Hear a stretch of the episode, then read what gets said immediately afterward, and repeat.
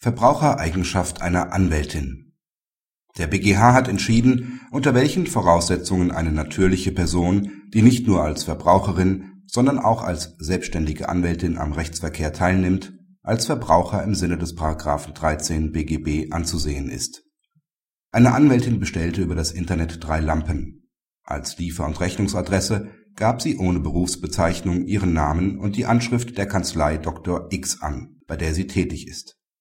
Später erklärte sie den Widerruf ihrer Vertragserklärung mit der Begründung, dass die Lampen für ihre Privatwohnung bestimmt gewesen sind und ihr deshalb ein Widerrufsrecht nach den Vorschriften über Fernabsatzverträge zusteht. In ihrer Klage begehrte sie unter anderem die Rückzahlung des Kaufpreises. Das Berufungsgericht hatte die Klage abgewiesen und dies damit begründet dass die Anwältin nach dem objektiven Empfängerhorizont nicht als Verbraucherin gehandelt hat und ihr daher kein Widerrufsrecht zusteht.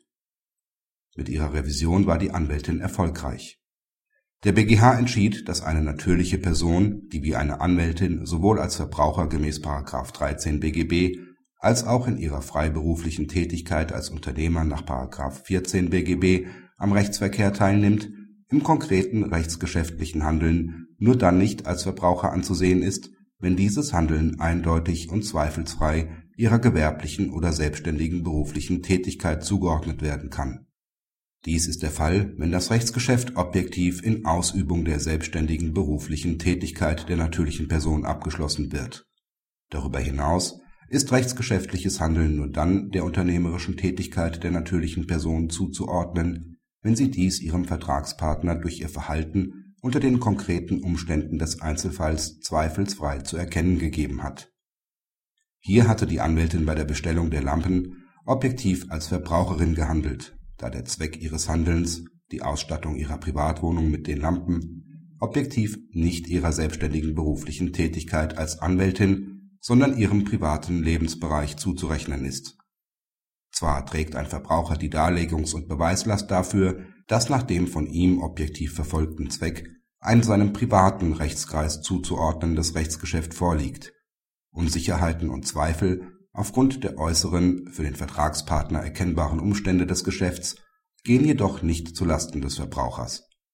Es kommt daher nicht darauf an, ob der Erklärende sich dem anderen Teil eindeutig als Verbraucher zu erkennen gibt Vielmehr ist bei einem Vertragsschluss mit einer natürlichen Person grundsätzlich von Verbraucherhandeln auszugehen. Die Angabe der Anschrift der Anwaltskanzlei als Lieferanschrift für die bestellten Lampen erklärt lediglich, dass die Anwältin an Arbeitstagen zu den üblichen Postzustellungszeiten unter ihrer Privatanschrift nicht erreichbar war. Auch die Angabe der Anschrift Kanzlei Dr. X in Verbindung mit dem hiervon abweichenden Namen der Anwältin als Rechnungsadresse lässt keinen eindeutigen und zweifelsfreien Schluss auf eine Bestellung der Lampen zu beruflichen Zwecken zu. Praxishinweis Auch nach den für unternehmensbezogene Geschäfte entwickelten Regeln kann aus Sicht des Verkäufers das Handeln der Anwältin nicht deren beruflicher Tätigkeit zugerechnet werden